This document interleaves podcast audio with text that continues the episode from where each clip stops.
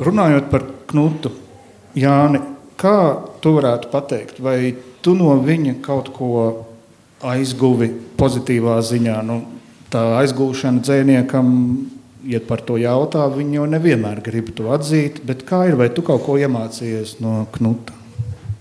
Jā, es iemācījos ļoti daudz, jo kā dzēnieks es izaugu pilsētā, kur es mācījos un no kurienes nāca Josifs Brodskis, toreizējā Leņģeradā, Dzējiskā undergroundā, kur bija nepadomju dzēja, kur cilvēki eh, rakstīja dzēju, kura nodarbojās ar estētiskām problēmām, bet neiesaistījās eh, šajās kategorijās, kurās tapa padomju literatūra. Ja?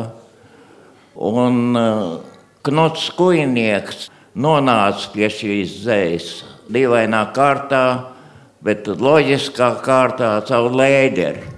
Un, kad parādījās viņa pirmās publikācijas presē, tas man bija tiešām kā belziens pa galvu, jo tas atšķīrās no mūsu lielāko dzinieku latviešu toreizējās dzējas, kas oponēja režīmam dažādā veidā, ja, ezopu valodā. Tā bija tīra lirika, ja, kas nereiķinājās, ka vispār eksistē kaut kāda padomju domāšana, jo padomju literatūra bija domāta kā ideoloģija. Ja. Tāpēc to labi apmaksāja bieži vien talantīgākos uh, rakstniekus īpaši turēja. Tad pret šo ideoloģiju vai nu cīnījās, vai pakļāvās. Bet šī bija zeja, kur uh, bija pilnīgi neatkarīga. Vēl viena Belševics, uh, Egils Plauts piederēja pie tādiem zvejniekiem. Ja? Un nu, piederēja arī es, jo izaugu tajā pašā augstnē, kur izauga Jasīs Brodskis. Ja? Es rakstu visai arhaiski, jo pieder pie 60 gadu paudze, un tāpēc man ir nu, tāda ritmiska tā dzēja, un es lietoju pat tādu baismīgu paņēmienu, kā atskaņas un tā tālāk. Bet man paudze tā pilnvērtīgi izauga 70. gados, kad populāra bija jaunā vīna skola, Šēnbergs, Šokenhauzens, Keļš. Es uzrakstīju grāmatu par Knuts Kojnieku, Dziļurbs, Tinte. Tas ir tā tapa daudz stundu sarunu rezultātā. Man bija jāatrāda Knutam 5-6 sarakstītās lapusīs, kas, protams, apgrūtināja. Es viņam teicu, nu, apraksta kāds no savām raksturvājībām. Ja?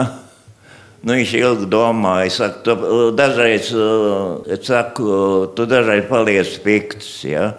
bet tikai uz brīdi, pēc tam viņam pāriet. Nu, Zajā ir sevišķi pirmajā grāmatā apkopotajā lirika un balss Es joprojām, kad rakstu dzējoļus, tad es izolējos no apkārtējās dzējas. Un tad man paņem pāris dzējoļu grāmatas inspirācijai. Ja, kad es jūtu, ka ir, ka es esmu atšālējies, man vajag kaut ko, lai dabūtu belzienu. Tas ir Osips Mandelstāms un Knut Lirika un Bals un Latvijas Dāņu izlases par dabu, teiksim. À, tas ir tāds negaidīts trešais elements šajā salikumā. Jā, jā. Tāpēc, ka Knuts jau ir laucenieks, viņš nav rīznieks. Ja? Un viņam ir ļoti daudz nu, to elementu, ko atrodam folklorā, estētiski, ja? leksiski. Folklorā tas ir ļoti rotaļīgi un avangardistiski, bieži vien savā izteiksmē. Ja? Ļoti pārdaroši. Mūsu sarunas ievadā jau iezīmēja nu, teiksim, to politisko fonu, ar kādu vajadzēja rēķināties teiksim, skujniekam. savas kā autora darbības negluži sākumā, bet nu, tajā tuvojoties briedumam, tajā periodā. Un kā tev šķiet, domājot par šodienu, par ko iestāties jaunam autoram nu, šobrīd? Jo it kā nav tā Es to nevarētu nosaukt par ārējo ienaidnieku, bet nav tās varas spīles, kuras ir no ārpuses. Kā tev šķiet? Nu jā, ir uh, sens teiciens, grūti laiki sabiedrībai, labi laiki dzējējiem. Ir pret ko cīnīties. Bet, uh, lasot mūsdienu dzēju, ir uh, tāds mūžīgs problēmas un ir arī problēmas, pret ko karot, teiksim, pret necilvēcību, kas izpauž karā Ukrainā. Ja? Kas ir baismīgi un kas šajā mūžīgajā diskusijā, vai cilvēks piedzims labs vai slikts, ja? pierāda tomēr, ka cilvēks piedzims ļauns. Tur arī nav kaut kāda bībeliska aspekta par to. Tāda lūdzu, jā, no, no bībele, bībele ir realistiska grāmata, un tāpēc viņa parāda cilvēku, ka viņš ir jauns, viņš ir kritis. Jā. Nu jā, mēs aiziesim jau teoloģiskās nostādnēs. Bet es šo vēlētos paturpināt. Bet tādā gadījumā, ja cilvēks ir piedzimis ļauns, tad eh, sanāk, ka ārējais ienaidnieks nemaz nav obligāts dzējai, jo iekšējais ienaidnieks kā tāds jau arī ir diezgan stiprs. Jā, protams, un uh, man liekas, ka zvejnieki to intuitīvi saprot, un viņi uh, karo pret šo iekšējo ienaidnieku. Ko tu ieteiktu jaunam dziniekam karā pret savu iekšējo ienaidnieku? Dzēja māksla un uh, arī dzējas radīšanā ir svarīga intuīcija. Ja? Nevis izskaidrot, izdomāt. Ja? Tikai tā mēs varam uh, izrunāt neizrunājamo, ja? saprast neredzamo, gar acīm tikai skatāmo. Un uh, nevelti bieži vien dzinieks un uh, vispār mākslinieks ir uh, visvājākais savu darbu interpretētājs un skaidrotājs. Starp citu, jā, šeit es visnotaļ tev piekrītu. Jāni, lūdzu, nolasi mums kaut ko. Lūdzu, nolasi mums kaut ko. Es rakstu visai arhaiski, jo pieder pie 60 gadu paudzes, un tāpēc man ir uh, nu, tāda ritmiska tā dzēja, un es lietoju pat tādu baismīgu paņēmienu, kā atskaņas un tā tālāk. Bet man paudze tā pilnvērtīgi izauga 70. gados, kad uh, populāra bija jaunā viņa skola Šēnbergs, Šohenhauzens, Keits. Tātad nezinu, kāpēc pirms nedaudziem gadiem es no, nolēmu iesniegt publicēšanai savus rakstus, jau kopotos rakstus, divos sējumos. Pirmais sējums bija ļoti vienkāršs. Tajā ietilpa mani deviņi dzīves laikā sarakstītie vecie dzīvoļu krājumi un uh, desmitais ETC saucās šis krājums. Jauns krājums pavisam. Un uh, otrais un pēdējais sējums ir, kur uh, apkopot mana proza, esejas, publicistika un tam līdzīgi teksti, prozaiski teksti. Tā kā lasītājs nemocīs ar uh, daudziem sējumiem, būs tikai divi sējumi. Nu, lūk, un, uh, no šī jaunā krājuma, ETC, kas man ļoti patīk, nosaukums, tad es arī celšu priekšā dažus zejolīšus. Lielākoties pēdējos gados sarakstīt. Sāk sonēt, trāķīs kalnos. Es nezinu, kur mani aizvedīs.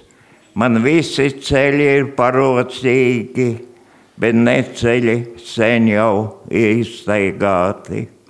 Nu, te karotīt, uzotu ziedu medus, man vienīgā ceļa maize, ne kazu, ne aitu sieru, man nebūs vairs izbaudīt.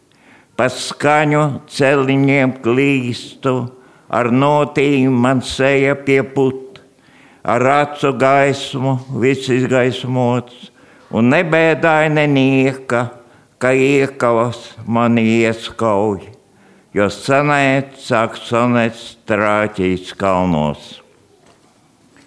Tikai mākoņus esmu krājis un tos debesīs lidinājis, tā kā nepaliek pašam neviens, izaug lieli un projām skrien Tikai mākoņus audzējis esmu, kuriem biju par smagu un redzmu. Pa Latviju klīstu, bišu un dunduru folkloru iepazīstu, no viņiem skaņas un askaņas speru, nekam citam vairs nenoderu, jau nocirstas manas rokas par nekrietnām zādzībām šīm, bet arī bez rokām man sokas kaut ko pakamt no debesīm, jau izrauta man mēlē par izrunāšanos greizu, tak mēnesis pļāpīgā šķēle spēja runāt par desmit reizē, vienalga pa Latviju klīstu kur izrautās acis rāda gar žogiem, kur dziedot vistām, sen kaltējas manāda. Jau apvārsnis pinas pa kājām, un debesīs viņa saules staro, un velcies kā kurla oce ar aklumu sists, un gārs tava pēdējā māja grib klēpī ucināt zeme, bet gaismas dzīslas tīc tālāk, kur laiku un telpu vairs nav. Puķi pēkšņi aizsitā ciet, un es pamatīgi dabūju pa pirkstiem, vēl tagad tie sāp. Puķi atlausa vaļā grūtākā gliemežvāka. Kas tev iekots rokā, man jautā? Tie, kas puķu zobus vēl nepazīst.